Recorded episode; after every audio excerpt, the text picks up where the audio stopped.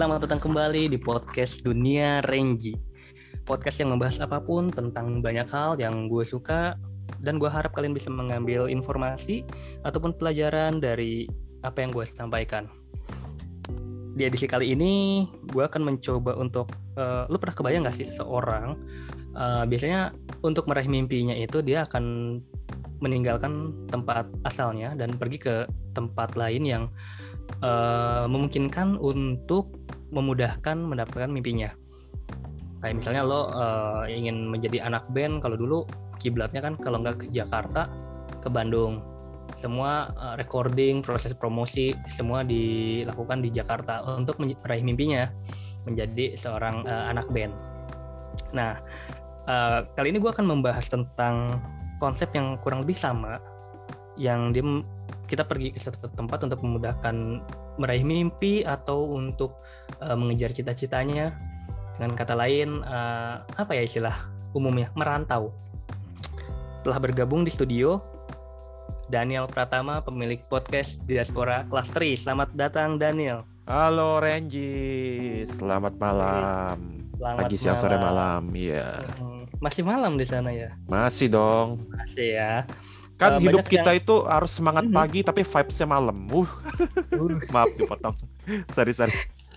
Ini banyak yang belum tahu mungkin ya kok uh. karena uh, kan nggak banyak juga yang kenal uh, gua secara utuh jadi nggak tahu bahkan teman-temannya jadi uh, hmm. pendengar sekalian bisa tahu bahwa Daniel ini saat ini sedang ada di negeri Sakura yaitu di Jepang selama lebih dari lima tahun koreksi kalau gua salah benar kok belum belum belum empat tahun empat tahun mau jalan satu piala tahun. dunia ya satu putaran piala dunia hmm. bayangin apa yang membuat lo betah untuk ada di Jepang ah uh, gua sih gimana ya betah karena memang satu mimpi sih kalau ngomong klasik ya mimpi hmm. kedua karena memang apa ya udah kebiasa sih kalau kata gue sih karena gue udah memang dari dulu tuh gue mikirnya kalau nggak Indonesia Jepang gitu. Jadi Jepang itu gue udah familiar dan udah tahu seluk beluknya dan cari informasi juga nggak susah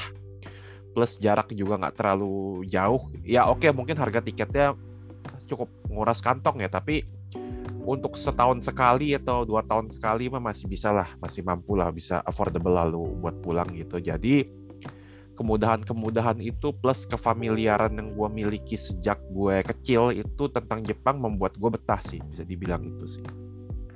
Uh, gue tahu kalau lu tuh sebelum memutuskan untuk kerja di sana, uh-huh. lu tuh udah pernah ke Jepang kan untuk ya, uh, konser. Ya, konser Apakah itu yang kemudian menjadikan momen di mana lo, oke okay, gue pengen kerja di sini?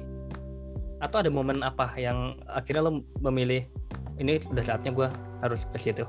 Oke, sebenarnya uh, jadi gini. Awalnya sih uh, gua ke Jepang itu uh, gini ya. Gue itu pengen banget ngerasain sekolah di luar negeri sebenarnya. Sekolah di luar negeri, ya, oke. Okay. Bayang. Gitu. Dan salah satu Jepang ya. Ya sebenarnya kalau ngomong khusus Jepang sih sebenarnya. Mm-hmm. Karena uh, kayak semacam hobi plus mimpi lu campur jadi satu gitu. Jadi pengennya sekolah di Jepang sih gitu kan jadi dan gua posisi waktu itu masih di usia 20-an akhir dan usia yang masih produktif lah buat orang Jakarta sih kalau kata gue sih. Mm -hmm. Jadi gue itu pengen gitu setidaknya sebelum gue menikah atau berkeluarga. Eh disclaimer gue belum nikah btw, saya pacar ada orang eh, Indonesia. Asik. Eh okay. siapa tuh kenalan tuh nanti off the record ada, lagi. Ya? Ada ada, ntar kali itulah. Uh, gue uh, waktu itu belum nikah, belum punya pacar, jadi sebelum gue berkeluarga ya udah no or never moment aja. Gue pengen uh, punya landmark lah sebelum mm -hmm. nikah gitu bahwa oh masa muda gue itu ada satu pencapaian ultimate gitu. Dan itu di situ. Mm -hmm. gue ya tuh sekolah di Jepang sekolah bahasa di Jepang. Tadinya sebenarnya niatnya mau S2 Ren sebenarnya. Di situ tuh. Iya tapi karena memang dasarnya gue ini memang dasar ya bukan memang dasar memang hmm. dasar gue ini orang yang males buat cari riset dan segala macam. Riset ya, karena lo perlu harus nyari ya, info ya, segala ya, macam ya. dan, banyak ya. Jujur aja gue tuh males gitu. Jadi gue ya udahlah paling S2 kayak Indo lah. Pagi hmm. part time, malamnya kuliah gitu kan. Ternyata enggak. Dan apa ya S2 di Jepang itu sangat-sangat serius banget kan gitu loh. Hmm. Jadi gue nggak bisa tuh kayak serta merta di Indo lu daftar kampus gitu kan. Daftar kampus bayar kelar urusan kuliah aja pagi kerja malam kuliah gitu. Nggak kayak gitu di sini.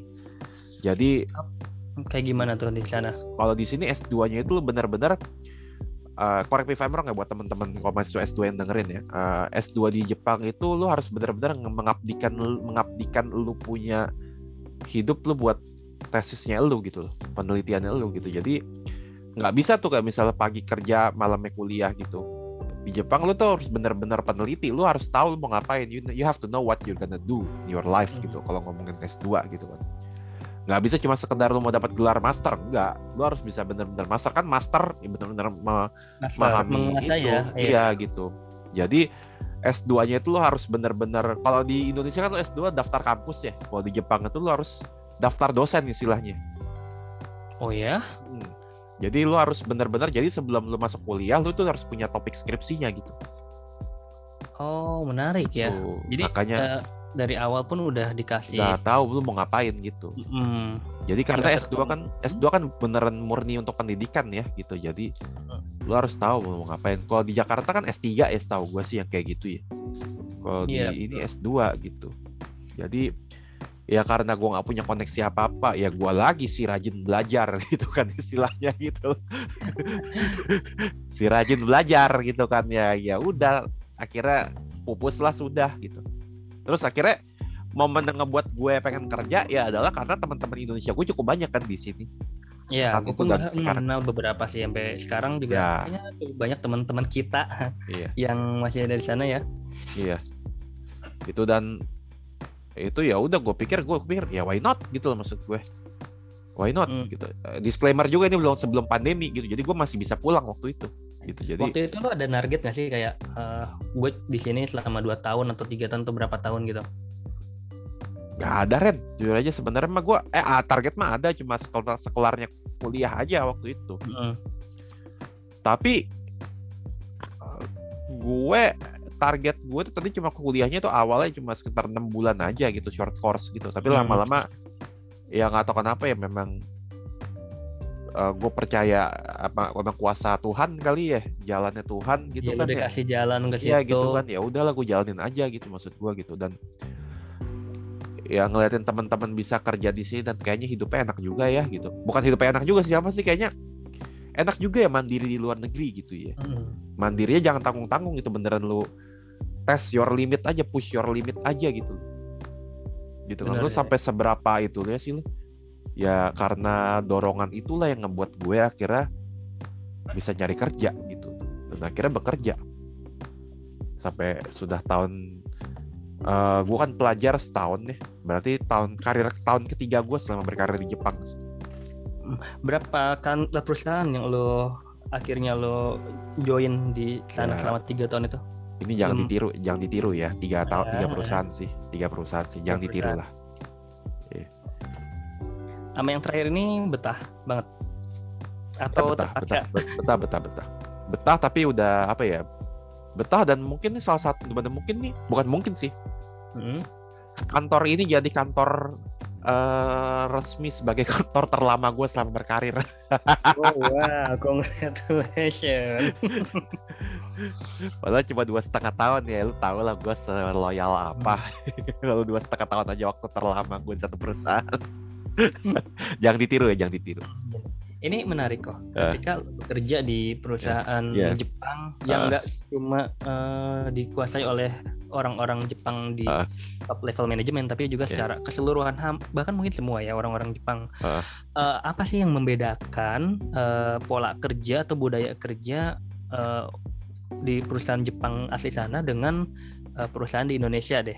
Karena kan gue tahu bahwa lu sebelum pergi ke Jepang pun lo sempat kerja nah, kan kerja iya uh, apa sih yang bedanya gitu cara pola kerja atau budaya kerja karyawan-karyawan Jepang sana dengan nah, di sini nah kebetulan gue ini kan ini pertanyaan klasik sih sebenarnya sih tapi mm -hmm. karena gue udah pernah kerja di perusahaan Jepang yang sangat old school banget plus mm -hmm. dan sekarang gue kerja di perusahaan yang sangat dinamis banget artinya uh, benar-benar kekinian lah jadi gue hmm. rasa respon gue cukup valid lah untuk mewakili pertanyaan lu sih.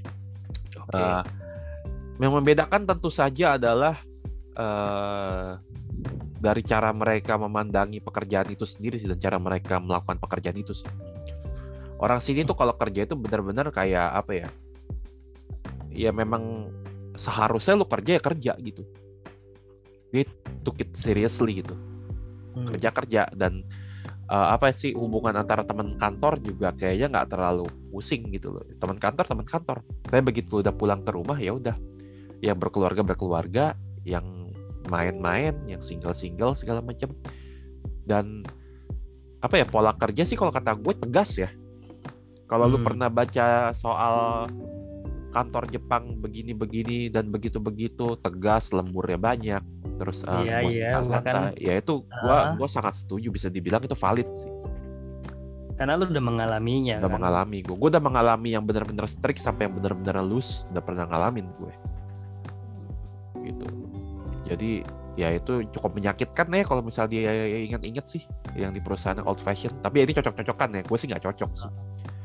Ada juga yang cocok sama orang maksud gue ada juga orang Indonesia atau orang asing lain yang cocok kerja di perusahaan begitu ya silakan apa apa cuma kalau menurut pertanyaan lo perbedaannya ya mereka itu benar-benar dari cara kerja budaya kerja dan cara mereka itu memandang udah, pekerjaan itu beda sih. Ah, udah mengakar banget ya kayaknya mengakar. dari dari bahkan eh, nggak cuma di dunia kerja uh, profesional aja.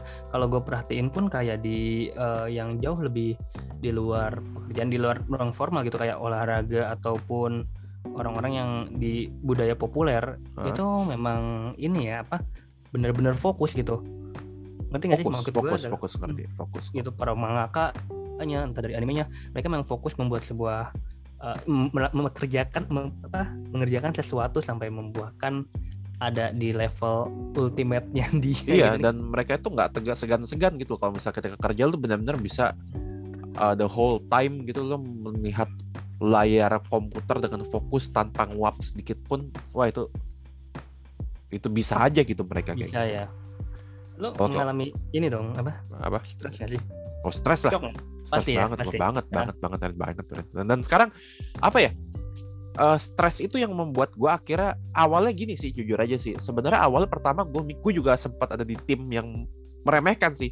Alah masa gitu aja apa gitu sih, gitu ya. Cemen sih. ah, masa gitu aja apa masa orang Jepang mudah bunuh diri sih gitu. Kok uh, mudah stres sih? Kok mabok sih gini-gini? Uh. Tapi setelah gue yang ngalamin sendiri gitu setelah bener-bener kerja sama orang Jepang old school banget, itu bener-bener stresnya tuh nyata Ren. Serius kalau kata gue sih. Ya.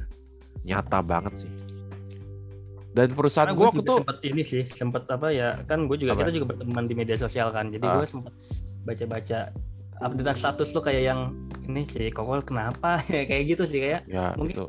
luapan emosi itu lo, itu one of the itu ya. one of the darkest moment in my life sih kalau kata gue kalau gue cerita ya hmm. ya kalau menurut gue sih itu darkest moment ya kalau menurut orang lain ya mungkin ada juga yang ngeremehin gue sih ah ya lah gitu doang ya, ah ya emang begitu cara orang kerja Jepang kali gitu ya who knows orang bebas Terus berpendapat pas, sih. Pas, pas, saat pas lu remeh, eh, lu meremehkan seperti itu dan akhirnya lu nyata uh, momen kultur shock uh, apa yang akhirnya lo anjir ternyata bener ya kayak gitu sih. Oh iya. Di ini kita mau dunia kerja ya masih. Yeah. Culture shock yang gue rasakan ya, mm -hmm. bahwa ternyata ada aja gitu orang yang bener-bener apa ya kayak misalnya contohnya kan gue belajar bahasa dari bahasa dulu deh kan gue belajar bahasa hmm. Jepang kan udah inilah ya ya udah udah, udah ya, serius ya, lah udah serius uh, lah ya udah pernah belajar dengan serius lah istilahnya uh, Jakarta uh, kan bahasa Jepang itu udah tingkatannya kayak bahasa Jawa gitu lah. Ada bahasa Jawa gitu kan okay. ada bahasa sopannya bahasa apa gitu kan. Dan ternyata orang yang kalau misalnya lu ngomong sama bos lu tuh harus ngomong bahasa Jepang harus pakai begini. Ngomong sama customer bahasa Jepang lu tuh harus begitu. Gue pikir itu bisa lah diakalin lah. Ternyata ada bahwa ada aja orang yang mempermasalahkan itu gitu dan orang ada aja yang bener-bener nggak segan-segan ngomelin lu hanya karena eh gue ini bos lu loh bukan temen lu ya. Uh. watch your mouth loh gitu wow dan ya ada yang kayak gitu gitu sementara kan di Indonesia kan hampir bisa dibilang mungkin beberapa bos ya mungkin masih bisa salon ya masih salon Ah. lah gitu. Karena kan mungkin orang kita kan orang kita kan suka feel in other shoes lah istilahnya kan ya. betul betul Gitu betul kan. betul betul betul betul, betul. Orang Oh, mereka orang- mana peduli. Uh, dan mereka pun kalau di kita mungkin ya ini sih pengamatan bodohnya gue aja Ah. karena meskipun dia bos atau apa mereka kan juga bersosialisasi entah di lingkungan rumahnya atau uh, di lingkungan keluarganya jadi Ah. ketika dihadapkan dengan situasi yang itu mereka bisa mentolerir gitu Ah. nah yang membedakan uh, dengan di Jepang mungkin karena di sono nggak ini ya tingkat sosialnya juga agak rendah gitu Nah, atau itu balik lagi ke pertanyaan ke statement gue yang di awal. Mereka Hmm, teman hmm. kerja, teman kerja gitu. Sebenarnya Hmm, kalau kita kan ya memang sebenarnya gue ada sedi- ada sisi sedikit setujunya sama yang sisi Jepang sih karena bahwa Hmm. memang kalau Profesional nama ya. profesional dan nama teman Iya. kerja itu nggak usah dekat-dekat banget harusnya gitu kan. mm-mm. Tapi kan uh, kalau di Indonesia kan kadang-kadang kan kita misal satu kantor nih we are family atau apa ya itu konsepnya Iya, bagus jadi lebih happy gitu. Cuma kan kadang-kadang kalau misal berantem kan produktivitas kerja ngaruh atau Betul. kalau misal yang paling parah misal terjadi hal-hal yang tidak diinginkan gitu. Misalnya kenapa lah apalah sebutlah ya gitu kan. Apalah gitu. Nah kalau di Jepang sendiri ya sosialnya mereka tuh nggak pusing gitu loh. Lo kerja kerja teman kantor teman kantor dan kecuali kada event-event apa sih event makan-makan perusahaan atau disebutnya nomikai gitu ya. Itu juga Nomikai. Oh, Nomikai itu ya itu event perusahaan kan beda cerita ya. Itu kan paling Beda. bergaul di situ doang sih. Tapi ya Nomikai sendiri pun juga sebenarnya disebelin sama anak-anak muda sebenarnya Loh, kenapa? Ya karena itu mereka tuh nggak nyaman gitu loh. Mereka tuh sebenarnya banyak anak muda yang nggak nyaman gitu bersosialisasi sama Oh, orang kantor iya. di luar pekerjaan gitu. Sementara Iya. orang kita kan santai ya sama orang kantor, Ah. gibahin bos lah, gibahin Ah. apa lah gitu kan. Kalau Atau orang karena mereka ini berada di dalam situasi yang sama dengan atasan-atasan itu kali. Ya kalau kata gue sih, kalau kata gue sih banyak faktor. Salah satunya itu Hmm. budaya kantor mempengaruhi, budaya ini juga mempengaruhi dan sifat-sifat orang juga mempengaruhi.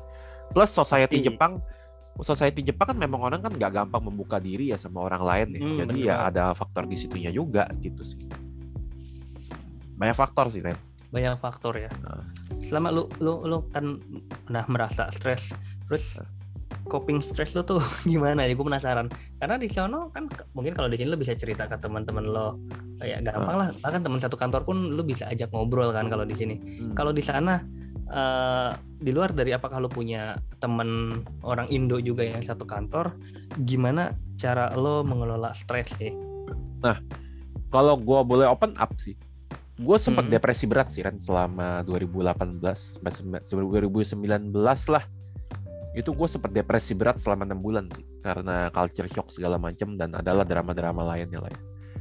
Itu Ya. pas momen pindah kerja. Ya, ya, ya. Itu pas momen pindah Wow. kerja itu dan itu benar-benar depresi berat lah. Gue di luar negeri, uh, sempat Mm. jobless juga, walaupun cuma walaupun cuma dua tiga minggu jobless ya gitu kan. Plus uh, faktor-faktor eksternal kayak misalnya desas-desus soal visa lu begini, Hmm, lalu juga iya. soal drama kantor lah, apalah segala macam gitu dan stresnya luar biasa banget. banyak ini sih, Banyak. dan lo merasa Ya kesepian lah gitu. Dan coping stress gue ya akhirnya ujung-ujungnya paling satu main PS gitu kan. Gue bawa dari Indonesia terus makan lalu sama tapi itu kayak gak cukup gitu. Gue butuh yang bisa ngobatin Iya, bener kesepian sih. gue akhirnya ya udah. Gue akhirnya kembali ke jati diri gue gitu. Ya gue orang Indonesia ya udahlah. Gue orang Indonesia dengar dengar lagu Indonesia terus eh, baca berita detik lah atau apa terus yang terpenting nih yang menyelamatkan gue sih apa tuh? yaitu gue jadi open up sama orang Indonesia lainnya gitu loh Oh, Jadi menjalin- komunitas Ketemu sama Indo. orang sana? iya eh, orang Indonesia yang tinggal di Jepang gitu nah jadi banyak beberapa banyak yang jadi sohib gue sampai sekarang gitu dan hmm, lewat apa kok? Apa memang di sana ada forumnya atau ada forumnya ada forumnya ada Forum? forumnya ada forumnya namanya Indonesia di mana tuh kok? Eh, namanya Facebook, takutnya ada Facebook. temen gue juga yang ada apa, yang lagi ada di sana. ya teman-teman kita juga ada join di situ kok oh, jangan juga. namanya ya namanya Indonesian Community in Japan ya itu jadi kayak semacam wadah paguyuban lah ya Paguyuban wadah, ya orang-orang paguyu- Indo. ya, paguyuban resmi gitu orang-orang Indo yang tinggal di Jepang gitu jadi kalau lu mau nanya apa situ? akhirnya membuka diri di situ kenal-kenalan segala macam sama kenalan dari teman hangout ke restoran Indo juga segala macam. Ya kalau menurut gue pribadi itu sangat-sangat ngebantu gue banget ya. Ya iya ya, jadi meskipun kayak ngerasa lo apa ada temen ya dari bahagia sih Ren gitu. Karena gue pernah dalam waktu eh, apa ketika gue pertama kali join ke Jepang itu gue itu udah kayak so jago aja gitu Ren. Ini penyakit orang Indonesia kebanyakan lainnya juga sih ya kebanyakan So ya jago. bukan so jago gitu karena ah gue udah bisa bahasa Jepang nih di Jakarta nih teman gue di Jepang. Eh teman Jepang gue di Jakarta banyak nih gini. Ah gue juga udah bisa gini. Nggak mau ah sama orang Indonesia gitu segala macam jadi cari komunitas Jepang ya menurut gue bagus. Akhirnya karena lu bisa belajar budaya lokal. Cuma ya akhirnya ujung-ujungnya ketika lu sepian ketika lu sedih ketika lu stres ketika lu bosan ya ujung-ujungnya kembali ke diri lu sih Ren. Itu bohong banget kalau enggak kalau kata gue mah. Mm-mm, iya. Benar-benar, Gitu. gue juga ada kalanya kadang ya gue Ah. eh, sebagai gue kan orang yang lahir di Jawa Barat. Heeh. Jadi kadang walaupun gue udah lama di Tangerang nih, Heeh. gue tuh masih suka mendengarkan Iya. sesekali gitu mendengarkan Heeh. lagu-lagu ya lagu-lagu Sunda gitu. Kayak ngerasa eh, ya itu balik lagi ke asal gitu. Heeh. Mengobati juga sih mengobati rasa kangen. sangat sangat Itu akhirnya berhasil melewati masa-masa enam bulan lo itu. ya itu yang ngebuat gue bertahan sampai sekarang sih Eh, sekarang masih itu masih komunikasi eh, apa masih sering ketemu Wah, Atau gimana malah, sih Malah makin gila gue Ren, malah makin gila gue sekarang. Jadi banyak lahir karya-karya seni, tau gak sih lu? dalam bentuk apa nih Ya, podcast gue ya. itu kan podcast gue kan tuh lahir Hmm. gara-gara itu juga. Podcast gue Diaspora Clustery lahir saat pandemi. Thank you pandemi.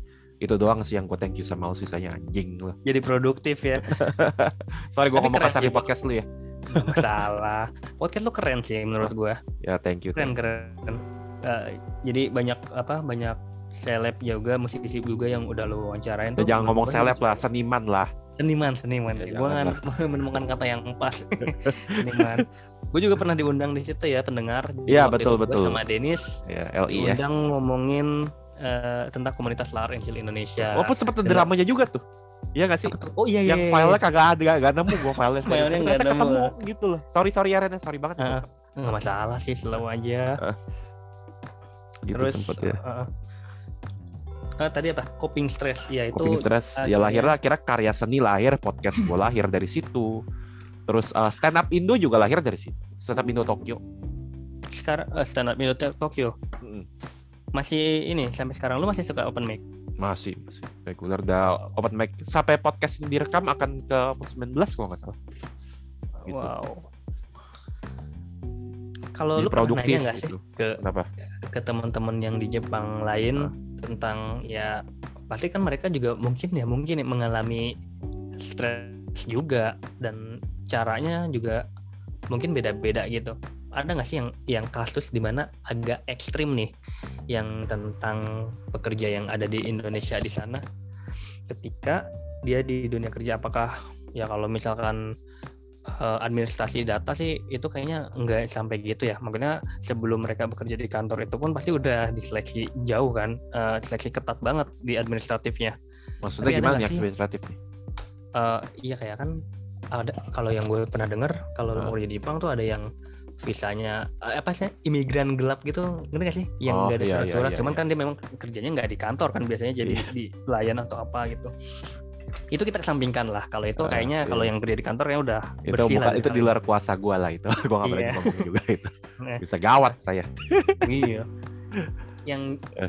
pertanyaan gue adalah ada nggak sih kasus eh, yang parah gitu yang menimpa pekerja Indonesia yang ada di sana yang pernah lu denger Yang pernah gue dengar. Mm-mm. Ini ini gue baca ya, bukan gue Oke. ini ya. Ya kasus apa ya? Ah, penganiayaan pernah. wow Ada Karyawan- beritanya sih, ada beritanya Ada. sih. Beritanya ada di Tribun News. Tapi ini gue gak kenal sih. Ah, penganiayaan pernah. Terus eh, penipuan tenaga kerja juga pernah. Kayak misalnya lo Hmm. pakai agen apa tiba-tiba begitu sampai ke bandara agennya ngilang kabur terus ditelantarin gitu jadi ilegal gitu kan. Hmm, Terus eh, yang paling ini eh, diskriminasi pernah nah itu. Ya. Diskriminasi. mereka Terus, rasis kok. Bukan rasis sih. Apa kata yang tepat? Diskriminatif. Ya ngomong aja ngomong aja. Nggak apa-apa rasis kan emang. Ya memang itu rasis. tuh yang lu mau tanyakan kan? Bener-bener. Apalagi kan lo lo tinggal ke sana. Ya di sini aja lo jadi korban rasis kan. Uh, tapi ya, ya fun fact ya fun fact ya fun fact uh, ya Ren ya. kenapa tuh? Gue nggak pernah ngerasa jadi korban rasis di Jakarta sih Gak tau kenapa mungkin karena gue nature orang baik-baik aja kali ya. Iya kali ya lo bawa positif padahal mungkin orang-orang yang ini mikir oh, gak dasar gue Cina gak, gitu. gue gak pernah ngerasa digituin sih. Lo ngatain gue begitu gue gak marah gitu sih serius. Iya sih. Benar ya. Gue gak pernah marah sih nah ke Jepang sih jujur. Nah kalau digitu sama Jepang gue marah justru. Gitu loh. Gue pernah hmm. digituin soalnya. Gimana tuh pengalaman? Coba ceritain jadi jadi pas gue interview ini ini, ini jujur aja sih ini ngeselin sih. Ini cerita kejadian okay. nyata ya. Uh -uh. Gue interview pertama di perusahaan yang strike itu ditanya ya kan gue nulis CV kan ya CV Jepang itu kan hmm. ya ya CV Jepang kan kaku ya ada ada protokolnya semua gitu kan segala macam cara itu kan jadi gue minta tolong kan gue sekolah di sekolah bahasa Jepang gitu kan jadi hmm. uh, memang ada tugasnya gitu loh mata kuliahnya ada suruh bikin mata kuliah bisnis jadi gue disuruh bikin CV gitu hmm. nah jadi kan gurunya mereka dong apakah ini layak nggak nih kalau buat jadi CV beneran gurunya mereka oke okay, ini layak nih jadi CV beneran lu boleh kirim ke perusahaan. Ya udah gue kirim dong. Iya. Kan, karena udah ada ACC dari guru ya, itu kan. Lalu? Ya tapi gue nggak bawa nama-nama kampus gue, nggak. Gue langsung mm -hmm. kasih aja gitu. Karena tiba-tiba akhirnya uh, interview pertama si bos si mantan bos gue itu ketika interview dia bilang sama gue begini. Dia ngeliat baca CV gue segala macam dan segala macam hal pertama yang dia tanyakan begini. Uh, sorry nih uh, lu uh, ada istri? Oke. Okay. Uh, nggak ada pak. Oh, Oke. Okay. Uh, lo kepengen nikah nggak? Maksudnya apaan nih? Gue baru duduk, gue baru duduk loh langsung tanyain gitu. Lo kepengen nikah nggak? Lo ada rencana nikah nggak dalam waktu dekat ini? Ya gue jawab dengan diplomatis ya. Mm. Uh, untuk sekarang sih belum ada pak. Gitu. Oh oke. Okay. Terus ini lu semua yang nulis sama bukan nih? Oh, nggak digituin ya? Digituin. Uh, terus? Uh, iya saya nulis sih pak, tapi uh, ini saya minta diskusi pak sama orang-orang Jepang dan teman-teman saya yang lain pak. Ya, udah gue duga kan orang Indonesia mah cuma bisa ngomong doang, nggak bisa nulis, nggak bisa baca. Paling gitu sama ya? lagi kayak digituin gue di interview pertama. Interview pertama, padahal terus? Ya, lah, udah gue duga begini lagi deh. Sama lu kayak orang Indonesia lain gitu. Ya udah coba segala macam. Coba kenalan diri lu dah sekarang gitu. Gituin gue ya maksud gue nggak kata-katanya sih nggak gitu tapi kalau misal di gue gue ibaratkan dia dalam budaya-budaya Indonesia yang selengean bos-bos nyebelin ya kayak gitu gitu. Walaupun mungkin dia tanya ya? mas gue didiskriminasi tapi lu pernah tanya nggak sih ke temen orang Jepang yang lo tanya kayak sebenarnya lo atau orang-orang Jepang tuh nganggap orang luar Jepang tuh uh, khususnya orang Indonesia tuh kayak gimana sih gitu nggak sih pernah nanya gitu nggak? Uh, eh, gue nggak pernah nanya tapi pernah ada stereotip yang buruk sih. Apa tuh? Uh, jadi waktu itu pernah ada seminar dari uh, dari ketenaga kerjaan di kampus gue kayak semacam hmm. inilah apa sih uh, HRD lah HRD seminar ke kampus hmm. gue gitu dia kasih ada do and do's and don'ts kan ketika lagi interview segala macam atau do's and don'ts ketika lagi ada meeting bisnis gitu kan. Mm. Uh, coba di dalam negara kalian apa ya kan orang asing semua tuh. Coba di negara kalian apa sih yang jadi kendala biasanya kalau bisa sama orang Jepang? Ditanyalah gue, gue jawab aja waktu bu. Gitu. Nah iya waktu. Dari mana anda? Indonesia. Oh iya Southeast Asian emang kadang-kadang ada masalah sama waktu sih. Itu nggak boleh okay. ya gitu. Terus dia bilang sama satu lagi dia bilang uh, ah Southeast Asia juga nih sering kayak begini nih biasanya nih. Kalau misalnya ditanya kenapa pindah kerja? Karena gaji lebih besar. Jangan lu nggak boleh ngomong kayak gitu sama orang Jepang uh, gitu. uh. jadi kesannya kita tuh dianggapnya itu kerja cuma buat duit semata doang gitu. iya betul. Ya memang iya tuh iya itu kan apa ya ada tapi maksud gue jadi jadi, jadi lu harus manis-manis gitu sama orang Jepang gitu loh. Oh kayak kayak di komik aja saya akan berusaha dengan segala saya akan mengerahkan segala kemampuan saya untuk memajukan perusahaan mm -hmm. kita akan maju bersama gitu kan. Mm -hmm. kayak kayak shonen banget gitu loh. Shonen banget ya. Itu kayaknya budaya budaya yang dari dulu mengakar kali ya kok ya. Sampai Banget. sekarang makanya kayak gitu. Banget sih? banget banget. Susah. slogan-slogan gitu. Susah dan Susah, bahkan tapi di- tapi yang gua salut adalah banyak anak muda yang berani akhirnya mereka melawan itu dengan cara tidak melakukan itu. Nggak ada sanksi? Atau Nggak, sorry sorry. Maksud gua mereka memutus budaya itu dengan cara melakukan tidak melakukan itu ketika mereka bikin perusahaan sendiri gitu. Oh, makanya kan iya. Startup mereka lebih startup lebih ini iya betul ya, startup. startup startup itu kayak gitu sekarang. Dan gue pernah nanya sama temen gue bukan temen sih jadi kayak ada acara meetup gitu acara kayak semacam random meeting gitu lah ya kalau buat kayak oh ada nih kelas belajar bahasa Jepang nih di bar ini nih kita ketemu sambil ngobrol chit chat gitu kan. Gue pernah ketemu satu pegawai eh, karyawan kantor di perusahaan yang oh, namanya udah besar banget lah. Di Indonesia ada. Mm-mm. oh ya namanya udah megang banget lah. Eh, perusahaannya udah udah 300 tahun berdiri. Eh 200 tahun Lalu- kalau nggak salah Sadar perusahaannya udah 200 tahun Eh, 200 pas 100 tahun gitulah wow Pokoknya udah ratusan tahun lah, udah Oh, udah salah, oh. sa- salah satu salah satu perusahaan tertua di Jepang lah yang megang gitu, legend lah. Pokoknya kalau lu sebut nama Legend. perusahaan itu, lu kalau sebut nama perusahaan itu takut lah gitu, ya. Wus gitu. Wis, oke.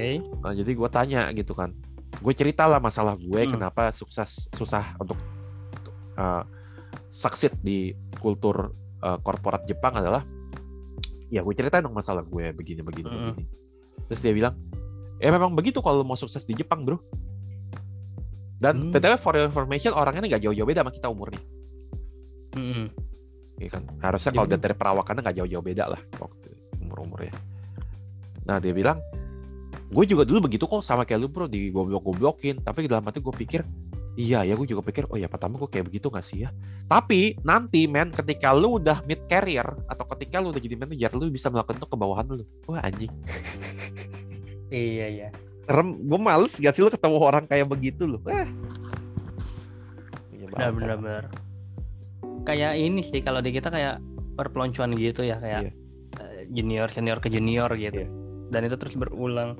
Tapi begitu dengar agak melegakan sih ketika lo bilang bahwa ada eh, pengusaha-pengusaha muda yang bikin startup dan tidak memutus rantai itu. Semoga itu menjadi Ya semoga dah. ya, awal yang baik Iya. untuk para pekerja.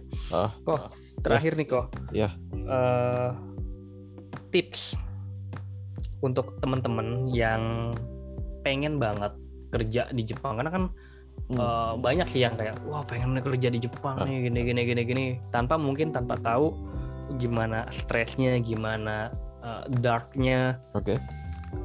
apa yang bisa lo kasih ke kami nih para calon-calon perantau ke Jepang asik Oke. Eh, gue demen banget nih yang kayak begini nih. Asik. Jadi apa ya? Yang pertama harus lu yakini satu pertama udah pasti riset ya. Riset Eh riset penting. Jangan males riset. Lu Riset boleh nanya mencakup semua Gini, apa pun, semua hal. apa pun, apa pun, apa pun. kayak tempat tinggal kali ya Semua, semua, semua. Pokoknya semua yang lu mau tanyakan tanya. Tanya Hmm. semua. Jangan cuma baca ya, tapi tanya. Lu tanya ke orang Indonesia yang tinggal di Jepang, siapa kek atau siapa? Mungkin bisa dari eh, LPK lu kalau ada atau dari gue, orang-orang macam gue atau teman-teman lu gitu, lu tanya aja semua serana apa pun pasti dijawab kok. Eh, terus kedua, lu harus punya mindset bahwa eh, Jepang itu nggak sempurna sih. Walaupun mungkin di ma gue tahu sih, lu mungkin udah gedek sama negara lu ya. Gitu kan. Iya. Ya sebut aja Wakanda lah, sebut aja Wakanda. Lu Ah, udah nama gedek Wakanda ya Nah, udah gedek ini banget, ya udah gedek banget sama. Wakanda gitu kan. Lalu Oke, pengen oke. pindah ke negara yang katakanlah lebih baik gitu Jepang dan terlihat sempurna segala macam enggak men enggak sih Hmm. maksud gue kalau lu pengen pindah hanya karena lu nggak betah di Wakanda dan lu merasa di Jepang itu akan terbebas dari masalah-masalah dan tidak ada masalah men you're wrong definitely wrong gitu sih Jadi tanamkan mindset itu ya. mindset itu bahwa bahwa Jepang bahwa tuh nggak Jepang, Jepang tuh nggak sempurna sih Jepang Hmm, juga Jepang banyak yang ya harus ya. diakui harus diakui harus diakui itu lebih baik lah tapi bu, kalau misalnya lu ber- lebih baik kan bukan berarti nggak ada masalah dong gitu istilahnya betul. Pasti ada masalah yang akan ini dan apa ya Kayak yang tadi lo ceritain aja sih. ya gitu gitu itu kan Ada penganiayaan segala Nah, macam. segala macam itu kan nggak bisa dihindarkan gitu kan. Nah, terus Mm-mm. ketiga jangan pernah berhenti belajar gitu aja. Dan jangan cepat puas. Salah satu kesalahan besar-besar gua adalah yang mungkin kalau misalnya dari kasus gua, salah Mhm. satu kesalahan terbesar gue adalah eh, karena gue terlalu jumawa sama kemampuan bahasa Jepang gue sih. Saat itu karena Iya, lu merasa saat itu. udah Karena oh, udah ngerasa- lumayan mahir dan segala ya macam. udah mahir karena temen Jepang gue banyak di Jakarta ya temen Jepang gue Hmm. banyak komunitas Jepang semua gue ikutin terus bisa ngomong Jepang dengan lancar ngetik dengan lancar segala macam akhirnya begitu ke Jepang memble itu sering terjadi Hmm. sih sama bukan gue doang sebanyakan orang sih jadi jangan hanya karena lu punya teman ekspat Jepang banyak di Jakarta lu ngerasa lu udah bisa itu jangan tuh pemikiran yang salah banget kalau kata gue sih gue udah ngalamin dan tuh jangan deh jangan deh jangan sampai kayak lu mendingan ke Jepang tapi dalam kondisi nggak bisa apa-apa terus belajar lagi dah daripada lu ngerasa bisa tapi ujung-ujung malah lu nggak berkembang tuh lebih sakit lagi sih kalau kata gue sih Hmm. Itu menarik tuh. sakit itu Jadi- sih Nah, ada tiga nih yang gue catat nih. Yang pertama riset, kedua tanamkan mindset, eh, mindset, dan yang ketiga jangan pernah apa eh, malu untuk bertanya dan jangan pernah puas. Nggak pernah Jadi puas. lo harus eh, sama satu lagi lagi, deh satu lagi deh pesan terakhir dari pesan terakhir pelajaran terpenting yang gua kalau misal udah di Jepang ya pelajaran Hmm. terpenting yang bisa gue share ke lu dan ke lain-lainnya adalah ketika lu sudah di sini satu lu jangan pernah lupa tanah air bukan gua udah sok nasionalis jangan gitu Hmm. bukan berarti gua sok nasionalis tapi lu boleh punya teman Jepang banyak boleh punya teman sesama orang asing banyak di sini lu boleh jarang bergaul sama orang Indonesia tapi satu jangan pernah lupa sama tanah air karena lu nggak akan tahu kesulitan apa yang akan lu ada dan lu nggak akan pernah tahu lu akan bertolong ke siapa ketika lu kesulitan Udah itu aja benar ya. dan oh sorry terakhir Benar. sorry sorry terakhir banget sorry terakhir banget baru ingat Nggak Sorry apa-apa banget, yang sorry. banyak biar orang jadi eh, ngingetin oh sorry iya banget ini, ini. kesannya maaf ya kalau gue steal di show ya maaf No, you're not still the show. You're giving us information. Oke, terakhir nih, terakhir banget dari gue ya. Hmm?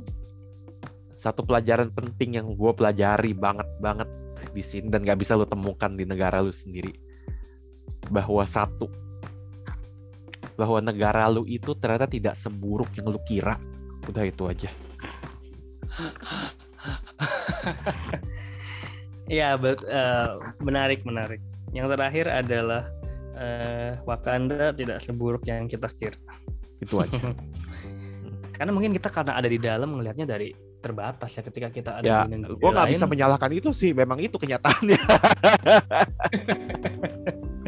kadang-kadang kita kan ya kembali lagi makanya kan kadang-kadang gue suka kesel gitu loh ala giliran gak ada baru lo giliran gak Bener ada sih, baru bener nangis sih. nangis memang begitu Heeh, iya sih.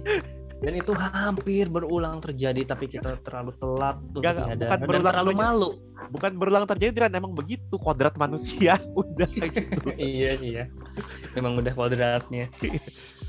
gitu aja sih dari gue sih Oke.